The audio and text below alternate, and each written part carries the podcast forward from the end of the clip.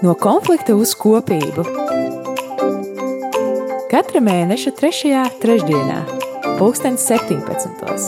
kopā ar dažādu konfesiju pārstāvjiem kopīgi domāsim par kristiešu vienotību šodien.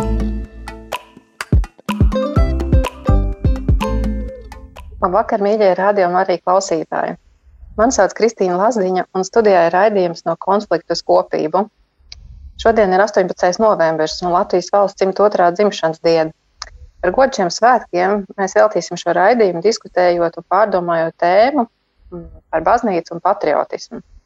Vēlos atgādināt, ka jums ir iespēja sūtīt arī savus jautājumus par raidījumā runāto tēmu, rakstot uz e-pastu studija at rml.lv vai arī sūtot īsiņus uz tālruni 266 77 272. Šodien mūsu attālinātajā studijā esam kopā ar trīs dažādu konfesiju pārstāvjiem. Es vēlētos jūs iepazīstināt ar viņiem. Katoļu konfesiju šodien pārstāvēs priesteris Pēteris Skudra. Labdien! Jā, labdien! Lutāņu konfesiju pārstāvēs Rīgas Lutera draugs mācītājs Rināls Rozentāls. Sveicināti! Un Baptistu konfesiju pārstāvēs Āgenskalna Baptistu draugs mācītājs Edgars Mažis. Labvakar! Labdien, mīļie draugi! Jā, labdien! Paldies jums, ka jūs veltījāt, ka jūs veltījāt laiku šim raidījumam. Un kā jau es minēju raidījuma sākumā, tad eh, šodien mēs domāsim par um, un runāsim par Latvijas dzimšanas dienu un par baznīcu, patriotismu tēmu. Tādēļ varbūt raidījuma iesākumā es aicinātu jums katram izteikties par to, ko tad Dievs saka par to, ka cilvēks ir patriots un vai patriotisms ir saistāms ar baznīcu un varbūt mazliet vēl paplašinot to domu, kur tad būtu tā robeža, kur baznīca vairs nav saviet, un savienojama ar patriotismu, kur jau tas sāk veidoties kā elgdievība. Varbūt kāds piesakās pirmais izteikties, vai man uzaicināt, skat, skatos, ka Pēters būtu gatavs. Es, uh, es esmu gatavs, jā. Um, Es domāju, ka mēs, mēs noteikti, nu, tā tradicionāla atbilde attiecībā uz patriotismu ir balstīta 4. bauslī. Tev būs godāt savu tēvu un māti, lai tev labi klātos tajā zemē, ko tev dos Dievs. Un šī, teiksim, tā mēs šo bauslī vismaz katoļu baznīcā saprotam plašāk, ne tikai kā bērnu un vecāku attiecības, bet vispār attiecības ar autoritātēm. Un īstenībā arī ar tiem pašiem vecākiem, ja mēs cienām savus vecākus, mēs cienām arī to vidi, kuru vecāki ir radījuši mums apkārt kopā ar citiem cilvēkiem.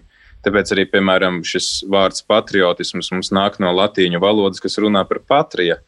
Latīņu valodā ar to apzīmē tēvzeme. Ja? Tātad zeme, kuru ir kopis un veidojis mans tēvs, mani vecāki.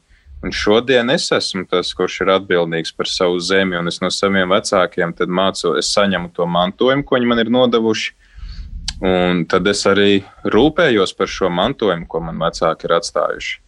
Un cenšos to saglabāt uh, labu, uh, tādu arī skaistu un varbūt pilnveidoju tām nākamajām paudzēm, tiem saviem bērniem, kas seko pēc manis. Nu, tas ir tas, kā es saprastu to patriotismu. Jā. Labi, varbūt Linardam var lūgt, kā, kā luterāņiem šo jautājumu skatās. Nu, varbūt es nesākšu ar to, kā tieši luterāņi skatās uz šo jautājumu, bet droši vien, ja mēs runājam par patriotismu jēdzienu, tad ir skaidrs, ka tas kā jēdziens ir attīstījies krietni vēlāk nekā kad tika uzrakstīti Bībeles teksti tajā izpratnē, kā mēs šodien runājam par patriotismu. Un, ja es gribētu pasakīt, kas ir patriotisms, tad eh, es teiktu, ka tā ir emocionāla piesaiste savai dzimtenei vai tēvu zemē. Eh, un to mēs bieži vien saliekam kopā ar nacionālo izjūtu vai nacionālo lepnumu. Bet kas ir tas, par ko arī daudzi pētījumi un zinātnieki joprojām nevar vienoties, un arī ko mēs bieži vien pieredzē redzam, ir ka nereti ir grūti nošķirt, kas ir patriotisms, um, kas ir tā emocionālā piesaiste un nacionālisms, kas jau ir vairāk kā ideoloģija. Un tad arī šovinisms, kas savukārt ir tāds, tāda pārliecība, ka lūk, mana nācija, mana tauta ir kaut kas pārāks nekā visas pārējās tautas un pārējās nācijas. Un līdz ar to dažkārt ir ļoti grūti to uh, savstarpēji izšķirt.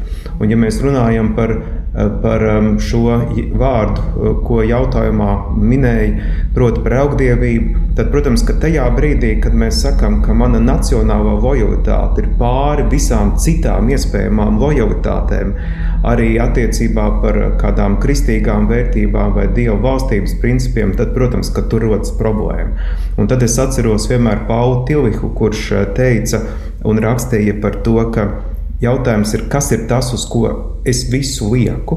Un, ja, protams, es visu lieku tikai uz savu piesaisti ar konkrēto teritoriju, vai tautu, vai nāciju, un viss pārējās piesaistes ir mazāk nozīmīgas un svarīgas, tad no tāda kristietības viedokļa man liekas, te parādās zināmi jautājumi. Mhm. Paldies! Tev. Jā, Edgars, Es vēl pie tā, ko brāļi teica, pieliktu klāt arī apstuļu darbu raksturvietu, kur apstulis Pāvils, kad viņš ir Atēnās, tad viņš saka tādu interesantu lietu. Tas ir apstuļu darbs 17. nodaļā, ka, ka Dievs ir radījis no viena cilvēka visas cilvēku tautas, likdams tiem dzīvot pa visu zemes virsu, iepriekš nolicis laikus un robežas, kur tiem dzīvot. Un uh, es saistītu patriotismu vispirms jau ar to, ka tas nav bijis nejauši, ka es esmu piedzimis Latvijā, ka mani vecāki ir šeit dzīvojuši, mana, mani senči šeit ir dzīvojuši. Līdz ar to es esmu piederīgs šai vietai. Un, uh, un tad tas otrs jautājums man pašam ir, uh, cik daudz es uh, apzinos savu latvietību, es patriotismu varbūt saistītu ne tik daudz ar valsti, kā ar, ar savu tautu. Un kādā veidā tad es kā latvietis to izdzīvoju? Un, un es domāju, ka vienmēr ir bīstamība gan kļūt par nacionālistu, gan šovinistu.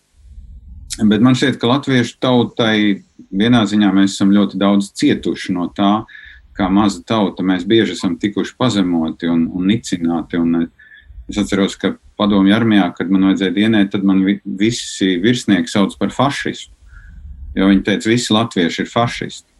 Un, un, un tas bija tik dziļi iekšā tajā laikā, un man jau nebija arī nekādu līdzekļu, lai cīnītos pret to. Man vajadzēja vienkārši stāvēt klusu.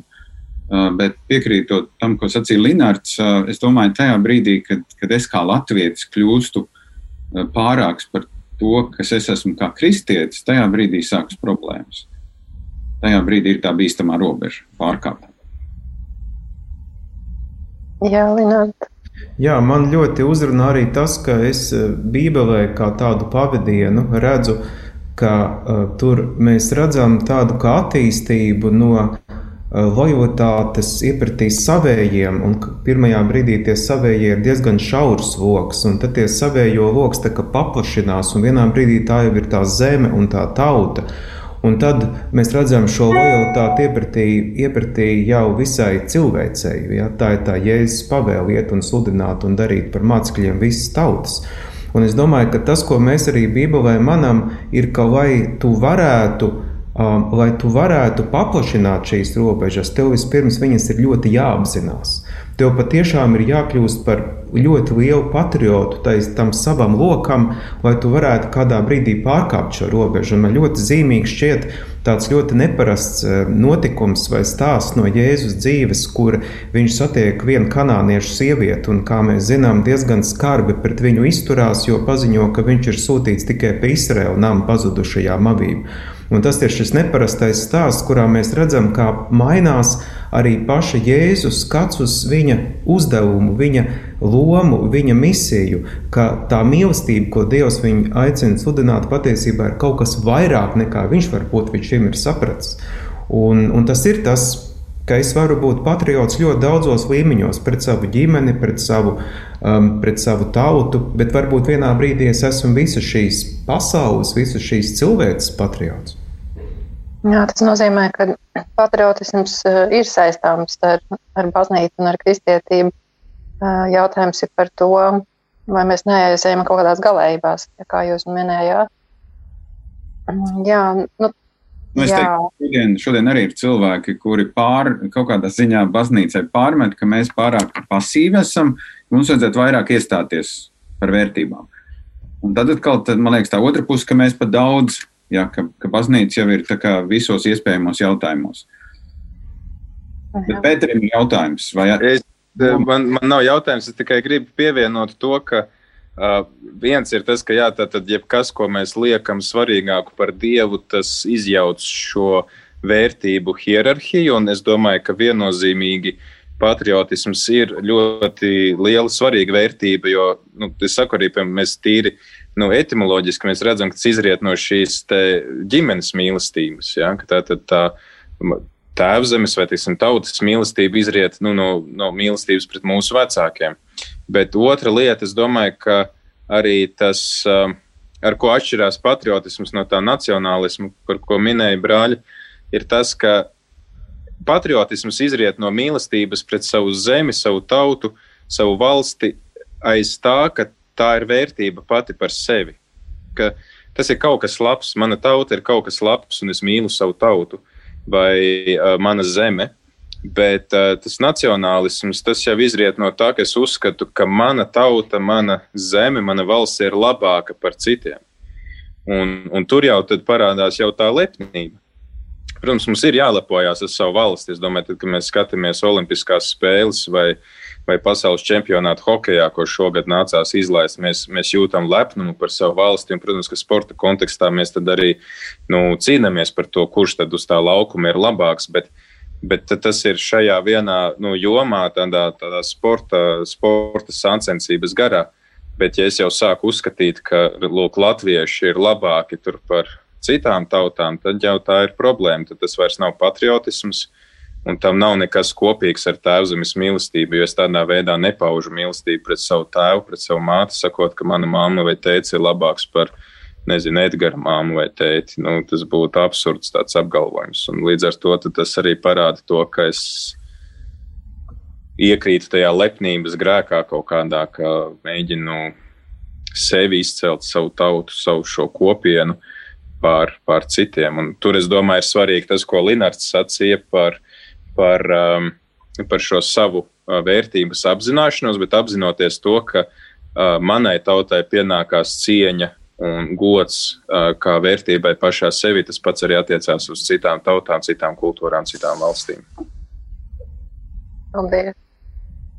Nu, mazliet turpinot dziļāk ielūkoties šajā tēmā, pēdējos gadus izteikti tiek akcentētas šī Latviju identitāte, Latviju zīmes, ko lieto gan uz dažādiem priekšmetiem, gan uz apģērbiem. Kā tas ir no kristietības viedokļa, vai, vai tādus var nesāt un kā uz to skatīties? Nu, droši vien, ka te būs diezgan polarizēti viedokļi kristiešu vidū.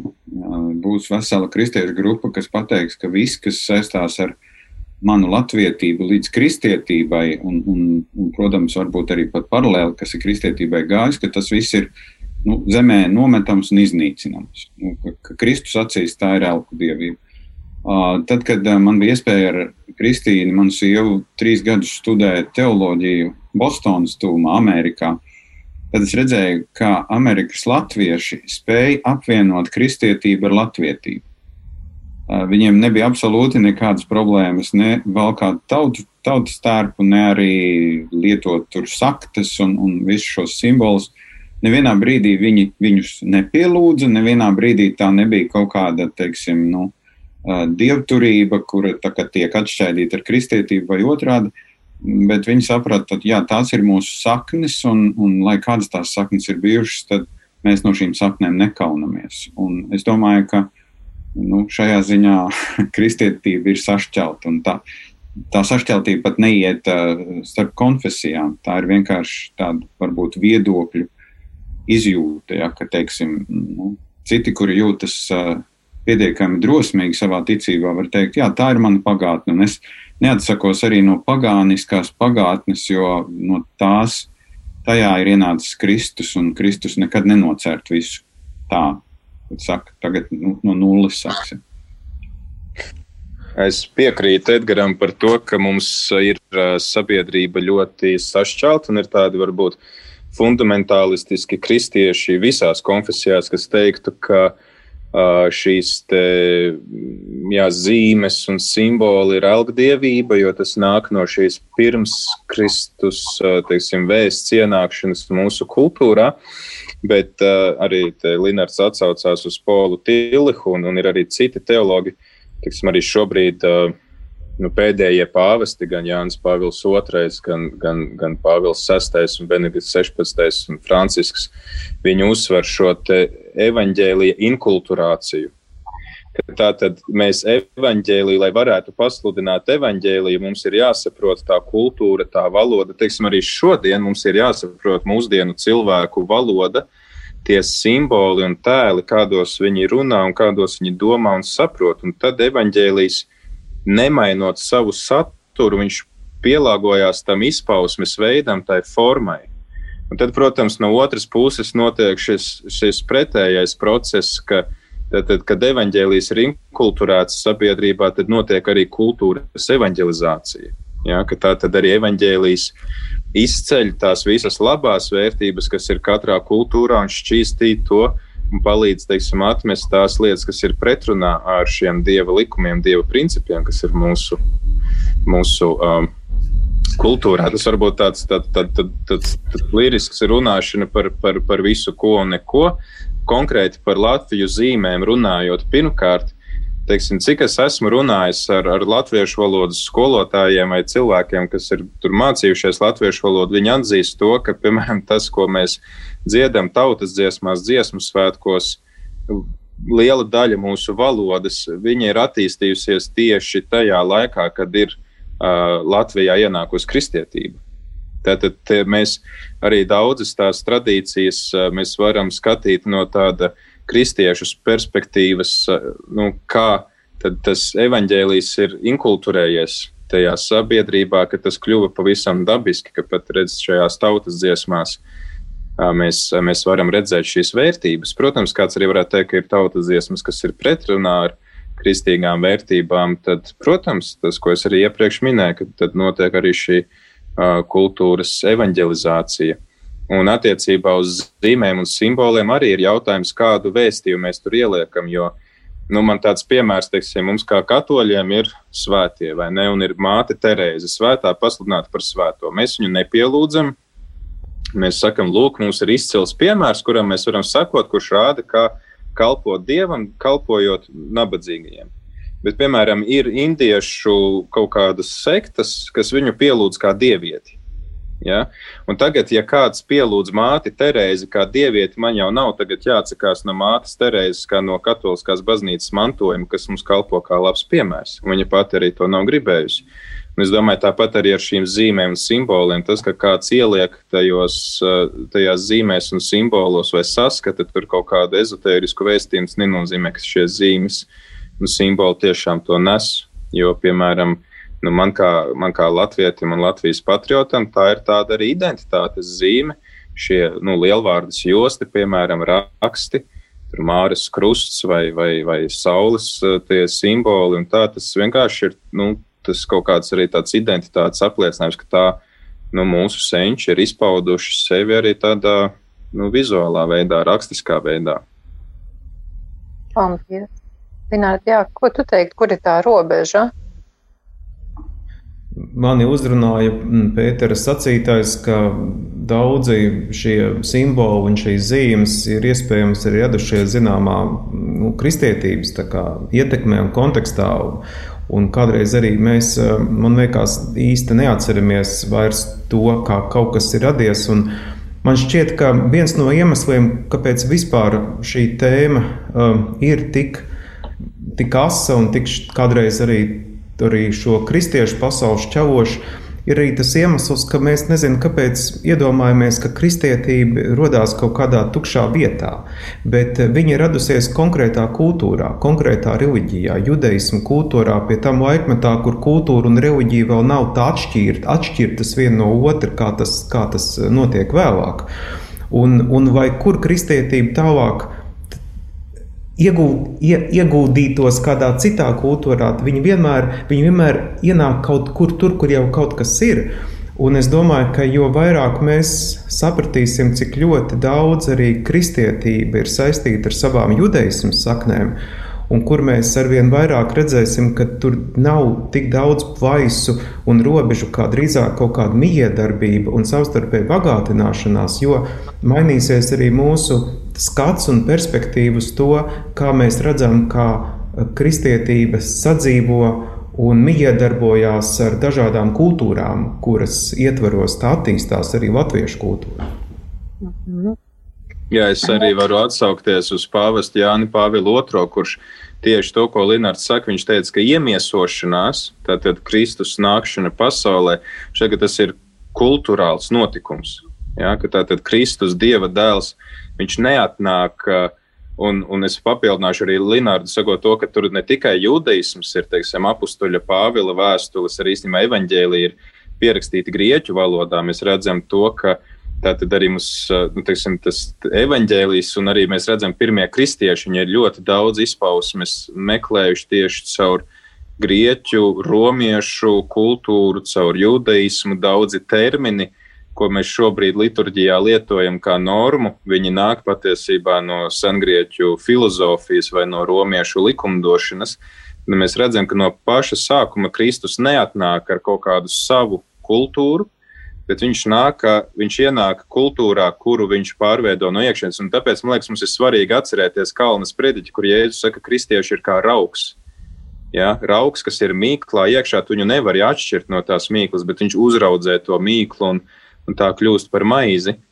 Un, un mums arī kristiešiem ir ļoti svarīgi nevis pretoties visam, ka tas, nāk, tas ir pagānisks un, un tas nāk no pagānisma kultūras, bet eh, ok, kas tajā kultūrā, kas nu, varbūt nav tieši kristīga, nerunā par kristīgām vērtībām, kas ir tās vērtības, kas mums ir kopīgas un kas tajā kultūrā, kas arī šodien, piemēram, skatoties kādu filmu vai, vai teātris izrādi, viņi varbūt nebūs tiešā veidā par, par dievu bet viņā noteikti būs ieliktas kaut kādas tās cilvēka ilgas pēc kaut kādām vērtībām, caur kurām mēs varam veidot to dialogu ar sabiedrību un ar kultūru. Un tad, tad tur tas evaņģēlijs arī var, var ienākt un, un pārņemt, to, nu jā, pārņemt to izpausmes formu. Jā, paldies. Nu, Pēters pieskārās arī šim kultūras aspektam, un viena no Latvijas kultūras tādām pamatiezīmēm ir šīs mūsu tautas dejas un uh, kora dziesmas. Un kā uz to kā lūkoties par, um, par, par dejošanu, tautiskās dejas vai, uh, vai, vai dziedot kora dziesmu, kas ir ļoti tāda pop, ne tikai populāra, bet uh, no latviešiem tā nozīmīga šī saule pērkona daugava. Kā no kristietības viedokļa to skatīties? Es domāju, ka ir jāsaprot, ka dziesmu svētki vispār rodas baznīcas kontekstā. Viņi izaug no baznīcas. Tajā ziņā mēs varam pat teikt, tas to nedrīkst aizmirst. To nedrīkst aizmirst, un es domāju, ka kristīga dziesma vienmēr ir bijusi blakus arī tautiskai dziesmai, dziesmu svētkos, un viņas nav runājušas viena otrai pretī. Uh, Nu, par dejošanu, es domāju, tas varbūt Baptistiem ir tāds sāpīgs temats vēsturiski bijis, jo, jo tad, kad Baptisti Latvijā radās, tad vienīgā vieta, kur dejoja, bija kroks. Nebija jau pirms 160 gadiem tautas deju pulciņi vai vēl kaut kas cits vai baleta studijas. Līdz ar to Nu, tad Baptisti teica, nu jā, nu tas, kas notiek krogā, tas mums nav pieņemams. Mēs nevaram to tolerēt, ja, jo plus vēl tur nāca piedzeršanās un kaušanās klāt un tā tālāk. Šodien, es domāju, situācija ir mainījusies un tur ar to vairs nav problēma. Saula pērkons Daugau, nu, kādā reizē klausoties Mārtiņu Braunu, kā šī dziesma ir tapusi, nu, viņš pats atzinās, ka rakstot šo dziesmu, viņš ir piedzīvojis ārkārtīgi lielu dievu tūlu ko, ko viņš varbūt nu, nepiedzīvo pie jebkuras dziesmas. Ja? Tā kā, nu, ja mēs tā skatāmies uz to tekstu un uz tiem vārdiem, tad, protams, mēs varam atrast, kur piekasīties un teikt, nu, viņi tur nav teoloģiski precīzi un tā tālāk. Bet es, es drīzāk teiktu, ka nu, jo stiprāks es esmu kā kristietis, un arī nu, jo stiprāk es esmu kā baptists, piederīgs savai baznīcai, jo vieglāk, jo vieglāk man ir sevi redzēt kā latvieti jo vieglāk man ir tuvināties gan katoļiem, gan luterāņiem, tāpēc ka man, es nejūtos apdraudēts. ja es savā kristiešu identitātē jūtos tik ļoti šaubīgs, ka tur saule pērkons Daugava var, man var tā izkustināt, ka es tur, nezinu, sāku bluķi valkāt, vilkt, valkāt, tad, tad, tad, tad, tad kaut kas ar manu ticību nav kārtībā. Paldies, Jā, nu tas jau ir arī tas, ko, ko, ko Linārds sacīja, par to savu identitāti. Ja man ir uh, stipra apziņa par to, kas es esmu, mani, mani nevar nobiedēt tas atšķirīgais. Un jautājums arī, vai nu, Sauli pērkons Daugava ir tiešām tik nekristīga dziesma, jo, ja mēs tā paskatāmies uh, kristīgajā mākslā un, uh, ja, tā, ja mēs paskatāmies kristīgajā mākslā, uh, Kristus salīdzina ja, kā jauno sauli, kas, kas šī jaunā diena, kas vairs nekad nenoriet. Un, uh, un, un es domāju, ka mums, latviešiem, arī ir ļoti svarīga šī ciešā saikne ar, ar dabu. Es domāju, ka neviens nenoliedz, ka tad, kad, piemēram, mēs lasām Annu Brigaderi vai, vai Straumēnus vai, vai kādu no šiem darbiem, ka mēs, ka mēs neizjūtam zināmā mērā kaut kādu nostalģiju, pat ja mēs dzīvojam un esam dzimuši un uzauguši pilsētā. Jā, tas, uh, mēs izjūtam to, cik mums, nu, mēs arī to redzam, cik, piemēram, pandēmijas laikā visi rīznieki pameta Rīgu un aizbrauc uz laukiem, jā, cik mums ir svarīgi būt kopā ar dabu. Un tā nav dabas pielūgšana. Es domāju, tas ir vienkārši apziņa par to, cik mums latviešiem ir svarīgi būt vienā ritmā ar dabu, cik mums ir svarīgi uh, izjust šos, šos, šīs gada laiku maiņas un, un, un tos darbus, kas var būt ārā, un, un, un, un to saikni ar dabu, kas mums dod, dod spēku un enerģiju. Tā kā tā Latvijas meža reklāma, ja, ka mežā paliek stress, problēmas, vispārējais. Un, un es domāju, ka jebkurš tam piekritīs, ka viņš ir pavadījis kādu stundu pastaigājoties mežā vai pie dabas, ka viņš tiešām jūtās sakārtotāks. Jo mēs jau arī uzlūkojot dabas varenību, kā psalmi saka, ja es uzlūkoju dabas varenību, zvaigznes debesīs, un tās man stāsta par to, varenību, kas piemīt tā visa radītājam. Tā kā es domāju, ka mums eh, ir arī jāskatās, eh, jāmācās skatīties aiz šiem simboliem un tēliem, kas ir tas, ko tie simboli un tēli mums vēlas pastāstīt. Jo tad, ja mēs skatītos tā ļoti tikai burtiski, tad mums nāktos atmest ļoti daudz ko. Ļoti daudz ko.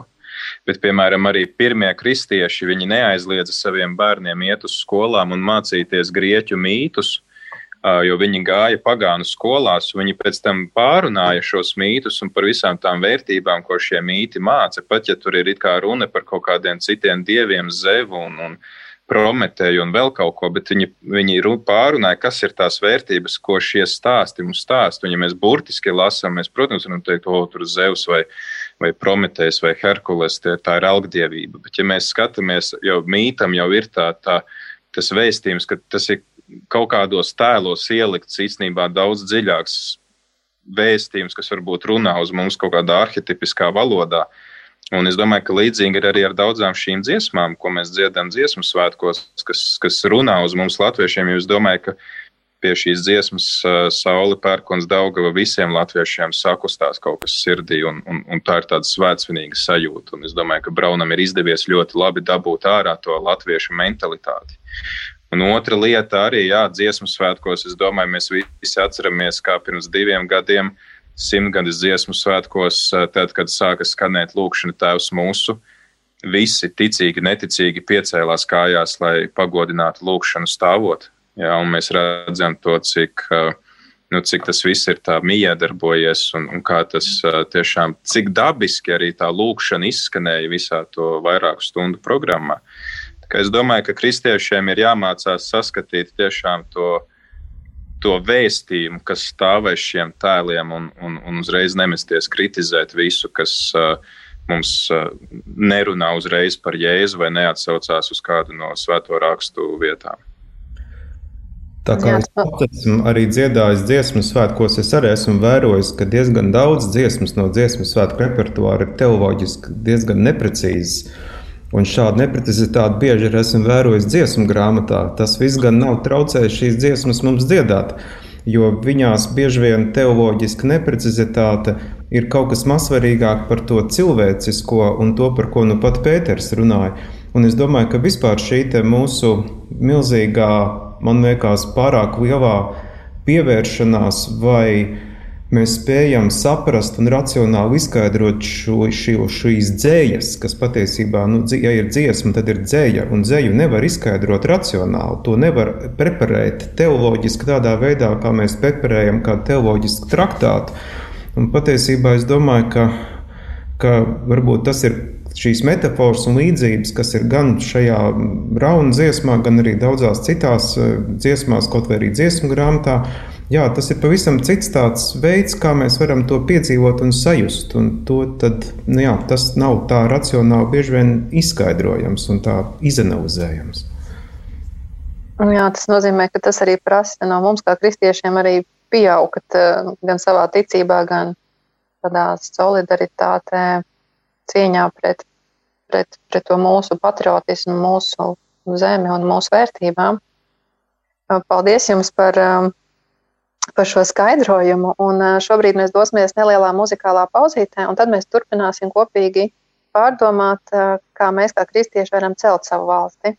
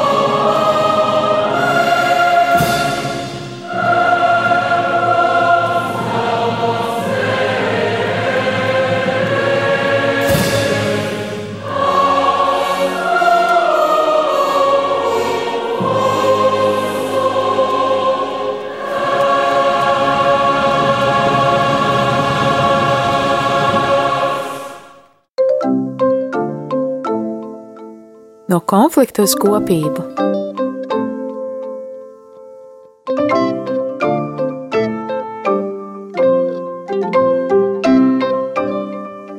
Esam atpakaļ studijā un atgādinu, ka jūs klausieties raidījumu no konfliktu uz kopību. Mani sauc Kristīna Lazdiņa, un attālinātajā studijā mēs esam kopīgi uh, trīs dažādu konfesiju pārstāvi. Uh, katoļu konfesiju pārstāv prie, priesteris Pēteris Skudra, uh, luterāņu konfesiju pārstāv mācītājs Linārds Rozentāls un baptistu konfesiju pārstāv mācītājs Edgars Mažis. Mūsu šīsdienas sarunas tēma ir veltīta Latvijas valsts dzimšanas dienai. Raidījuma pirmajā daļā mēs pārdomājam attiecības eh, starp baznīcu un patriotismu eh, no dažādu konfesiju viedokļa un eh, secinājām, ka, ka baznīca un patriotisms nav atrautas lietas un ka mēs dzīvojam šajā valstī un godināt un cienīt savu dzimteni nenozīmē, ka mēs kā kristieši um, nododam mūsu vērtības un um, kaut kā graujam šo tēmu. Turpinot uh, sarunu, es vēlētos aicināt uh, katram no konfesijas pārstāvjiem izteikties, kā jūs savā konfesijā atzīmējat Latvijas dzimšanas dienu, kā tiek praktizēts šis patriotisms. Nu, es domāju, ka noteikti ir jāmin tas, ka mēs visas konfesijas atzīmējam šos svētkus kopā, parasti ar ekumeniskiem dievkalpojumiem. Uh, Es zinu, ka gan Rīgas domā, gan arī Liepājā konfesijas satiekās un droši vien arī citās pilsētās ar kopīgu lūkšanu.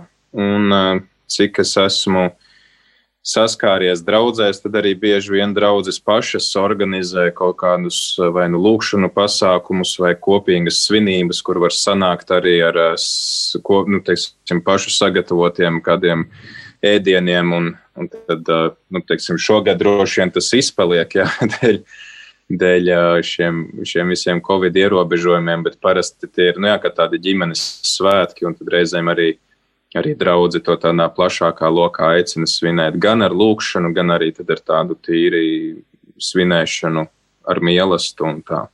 Vai ar kādiem nu, sadziedāšanos, ar kādu koncertu. Es domāju, ka arī, arī citās konfesijās droši vien ir līdzīgi. Tur ir kādi koncerti baznīcās, kur var iesaistīties draugi. Jā, paldies.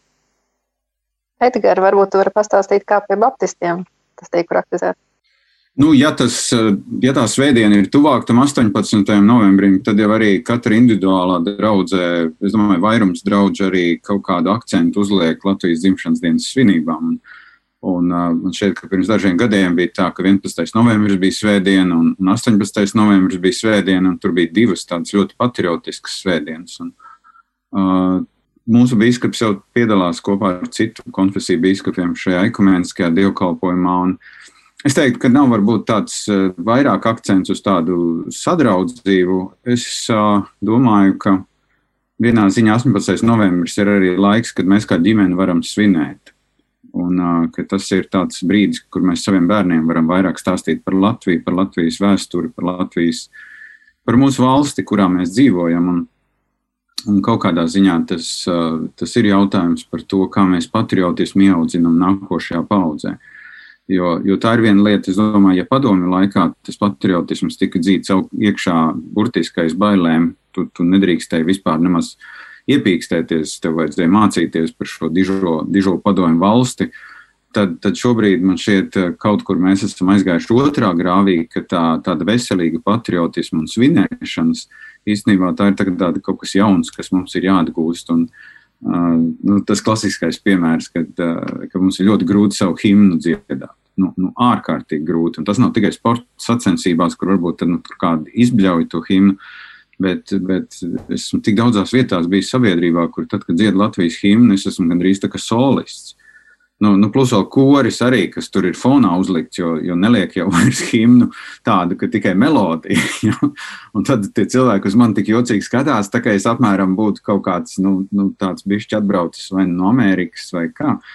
Es teiktu, ka ir tādi ir tie mazie, mazie patriotiskie mirkļi, un arī, protams, arī tās tā foršā mūsu lentīte Latvijas karoga krāsā, kas, kas man pie viena apģērba ir visu gadu. Es viņu nu, nelimitēju tā, ka tikai, tikai novembrī, tikai starp plaču plešu dienu un, un 18. novembrī. Bet, Bet es domāju, ka baznīcai, baznīca joprojām ir telpa, kur viņa var šo, šo mīlestību uz tēvzem, mīlestību uz dzimteni uh, parādīt pat krāsaināk. Jā, Lināt. Un es domāju, ka tas arī būtu tāds, tāds uzdevums ne tikai manai, bet arī visām citām konfesijām domāt, nu kā mēs varētu dažādos veidos vēl vairāk veicināt šo te, šo te varbūt dažādas rituālus vai, vai kaut kādas norises, kur, te, kur šis, nu, šis patriotisms viņš atrastu nu, kaut kādu izpausmi, pat vairāk nekā tas ir bijis līdz šim. Jo man šķiet, ļoti svarīgi uzsvērt, ka, ka svinot valsts dzimšanas dienu, Tie nav tādi arī racionāli svētki. Tas ir kaut kas, kas saistās ar mūsu iekšējo pasauli, ar mūsu vēsturisko atmiņu, ar, ar mūsu piederību. Tur lūk, himna, karoks, dziesmas, tas vai vēl kaut kas. Tas viss spēlē ārkārtīgi lielu lomu, jo cilvēks ir tāds rituāla būtne. Tas nav tikai kaut kas, kas ir mūsu prātos. Un vēl jau vairāk, es domāju, baznīcai tas ir tas viņas uzdevums un aicinājums to darīt, jo pati baznīca, nu, vismaz Lutāņu baznīca, ir katrā ziņā noteikti bijusi tā, kas ir um, devusi krietnu ieguldījumu gan Latvijas uh, valsts veidošanās uh, sākumā, un arī atmodas, atmodas laikā, kur baznīca kļuva par vienu no tiem, tiem būtiskajiem dzinēju spēkiem, kas, kas izraisīja šīs sabiedriskās pārmaiņas. Es, piemēram, šobrīd arī uh, savā pēcdoktorantūras projektā tieši pētu šos jautājumus, kādā veidā baznīcai toreiz izdevās nostāties tādā sabiedrības avangardā, un, un kas bija tie iemesli, kāpēc tas izdevās, un kāpēc tam bija tik milzīgi plusi, un, un kas ir tas, ko mēs varam mācīties no tā priekš šodienas. Jo dzimšanas diena nav tikai koncerts, tikai vai kaut kāds torts. Tas ir viens līmenis, bet tā dzimšanas diena nozīmē arī domāt par to dzīvi.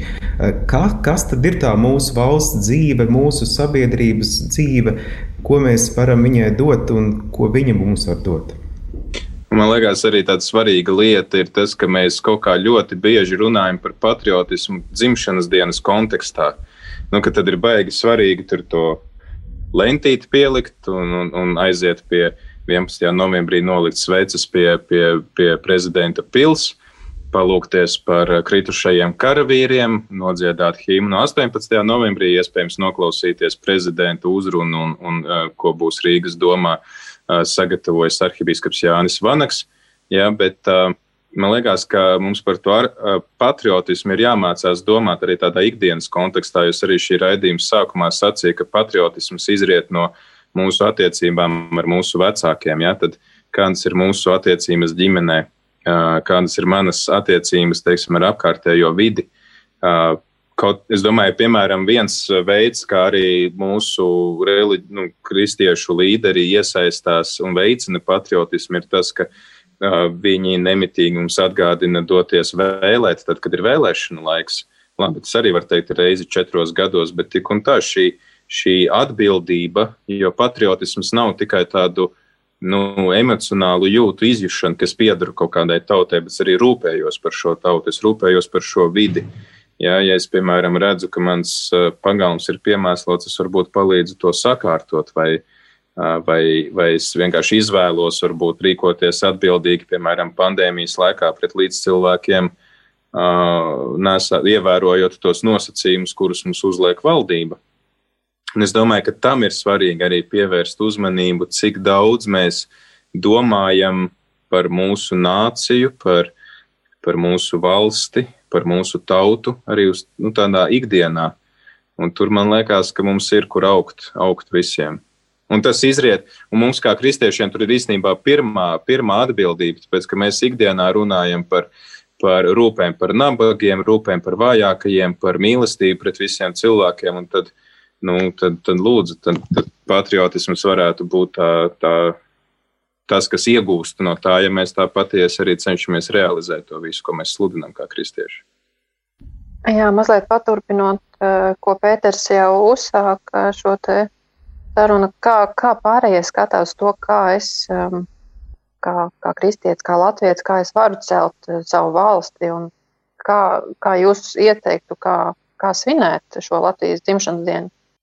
Ne, nu šogad jau tāda milzīga tusēšanās vispār nav iespējama. Nu, tad, tas ir vairāk ģimenes pasākums, nu, divas maisaimniecības. Un, uh, es zinu, ka mēs svinēsim ar, kopā ar, ar manu vecāko dēlu un viņa sievu, kuri te Rīgā dzīvo. Un, uh, kaut kādā veidā būsim kopā. Bet, bet par ikdienu runājot, es teiktu, nu, nu, kas ir īsts latvietis? Nu, īsts latvietis ir cilvēks, kurš, kurš kā Linards teica sākumā, ka tu jau neesi pilns ar tādiem aizspriedumiem pret citautiešiem. Nu, labi, nu, nu, ir cilvēki, kuri Eh, tad, kad es runāju latviešu, man dod pretī krieviski. Jā. Nu, es runāju ar viņiem latviešu, bet kādā brīdī man nav problēmas runāt ar viņiem arī krieviski, un es nezaudēju neko no savas latviedzības.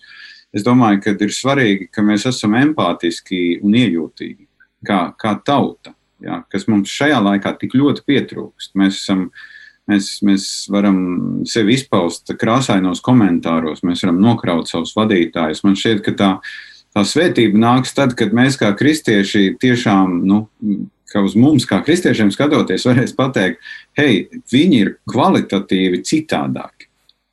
viņi ir kvalitatīvi citādāki. Viņos ir kaut kas tāds, kas, kas, kas ir iekārojams, ko es arī gribētu savā dzīvē.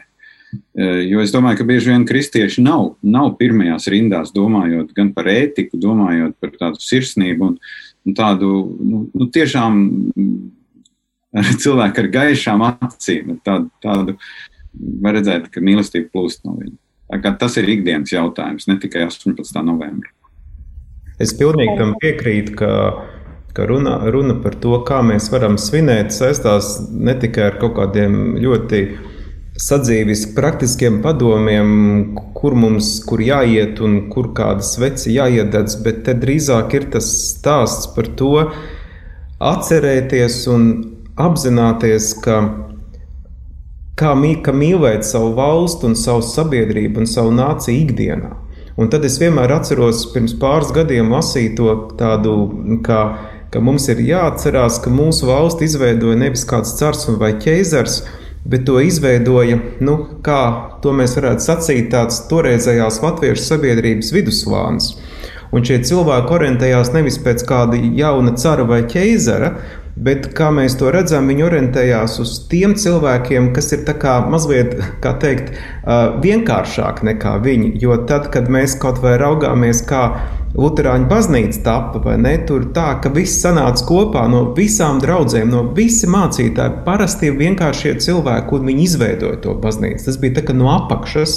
Un man liekas, ka te arī atrodas kaut kāda mūsu valsts un sabiedrības nākotnes atslēga, ka tie kas, tie, kas ir atbildīgi par šo valsti, ka viņi orientējās ne tik daudz uz tiem, kas ir augšā, bet uz tiem, kas ir mazliet tā kā apakšā.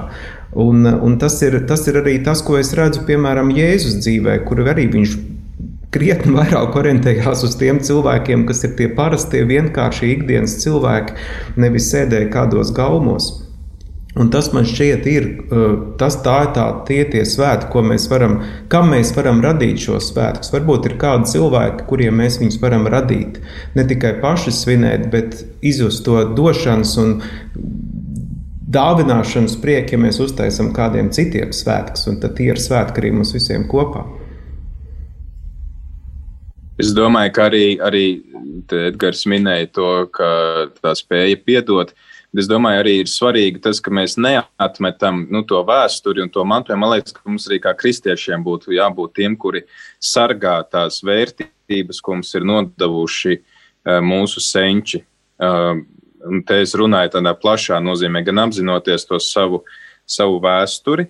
Un, uh, tas, tas nav tā, ka tā ir kaut kāda pagātne, kas tur, ko tur rakāties par pagātni, bet tas ir tas, ka mēs apzināmies, kas mūs veido kā nāciju šodien. Uh, kas ir tās vērtības, ko mums ir nodevuši mūsu senči, teiksim, pēdējos simts gadu laikā ar savu varonību, tas, ko Linards nu pat minēja, jā, tātad ar, ar to, ka mēs nevis meklējam tur kaut kādas autoritātes augstus carus, jā, bet ka mēs rūpēm viens par otru esam gatavi uzupurēties viens otra labā un, un tādā veidā nodibināt jaunu valsti.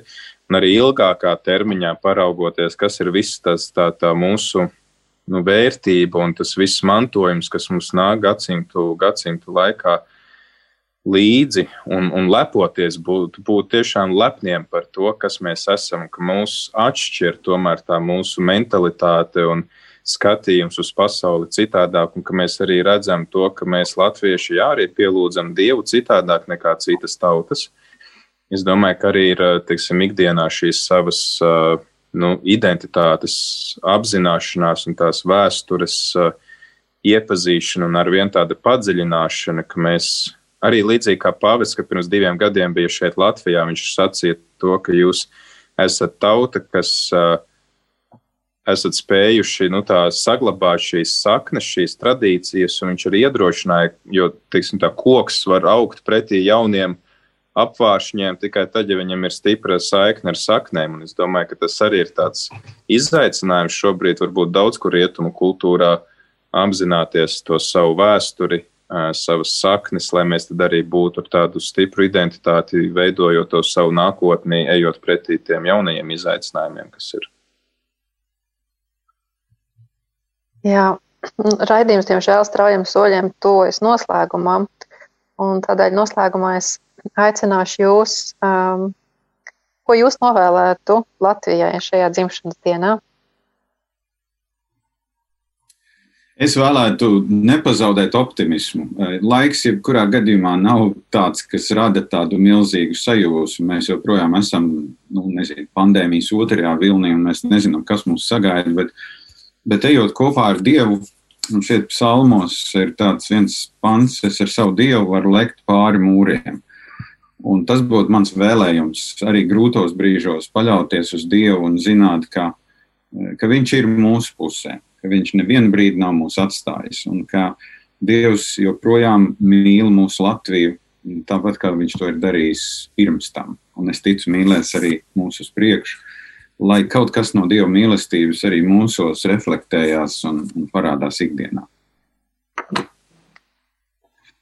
Es novēlu, es novēlu apzināties to savu vērtību, Un nevis tā, ka mēs esam pārāki par kādu, bet mēs vienkārši esam, esam vērtīgi paši par sevi, tādi, kādi mēs esam, ar to vēsturi, kas mums ir, un būt Dievam pateicīgiem par visu to, ko Viņš mums ir ļāvis piedzīvot. Arī, jā, kā, kā Edgars sacīs, saglabāt optimismu, jo mēs sevi saucam par dziedātāju tautu, un dziesma bieži vien saistās tieši ar prieku. Ja dziedot dzimu, dziedot augu, dziedot mūžu, nodzīvoja, kā arī šajos skumjajos mirkļos saglabāt cerību, saglabāt tādu iekšēju pārliecību, ka tad, ja mēs tagad skumstam un raudam, ka tomēr Dievs mūs nav atstājis, un mēs visi kopā varam pārvarēt jebkādu krīzi un, un apzināties to, ka es Jā, es novēlu arī apzināties to, ka mēs esam tauta kā, kā viens vesels un ka mēs viens otru stiprinam, mēs varam viens otru atbalstīt un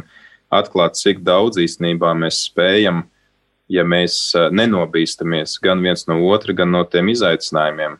Arī vēl viena tautas dziesma, ja, kas mūs iedrošina, sakot, ka rokas darba izbija, ne, acis darba izbijās, bet rokas darba nebijās. Un tas arī raksturo latviešu, ka lai kādi izaicinājumi nāktu, mēs varam ar viņiem tikt galā.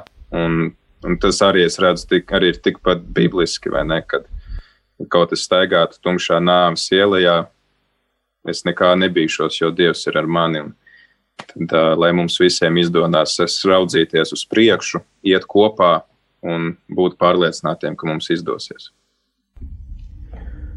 Mans vēlējums atkal saistās ar kādu dziesmu, kura arī kandidēja būt par Latvijas himnu, bet um, palika mazliet kādā tālākā vietā, proti, nevis slinkojot un pūstot.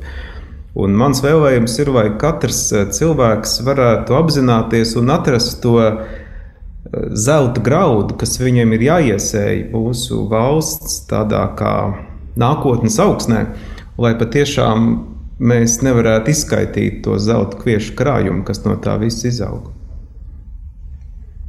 Jā, paldies, paldies jums, raidījuma dalībnieki, par šo sarunu.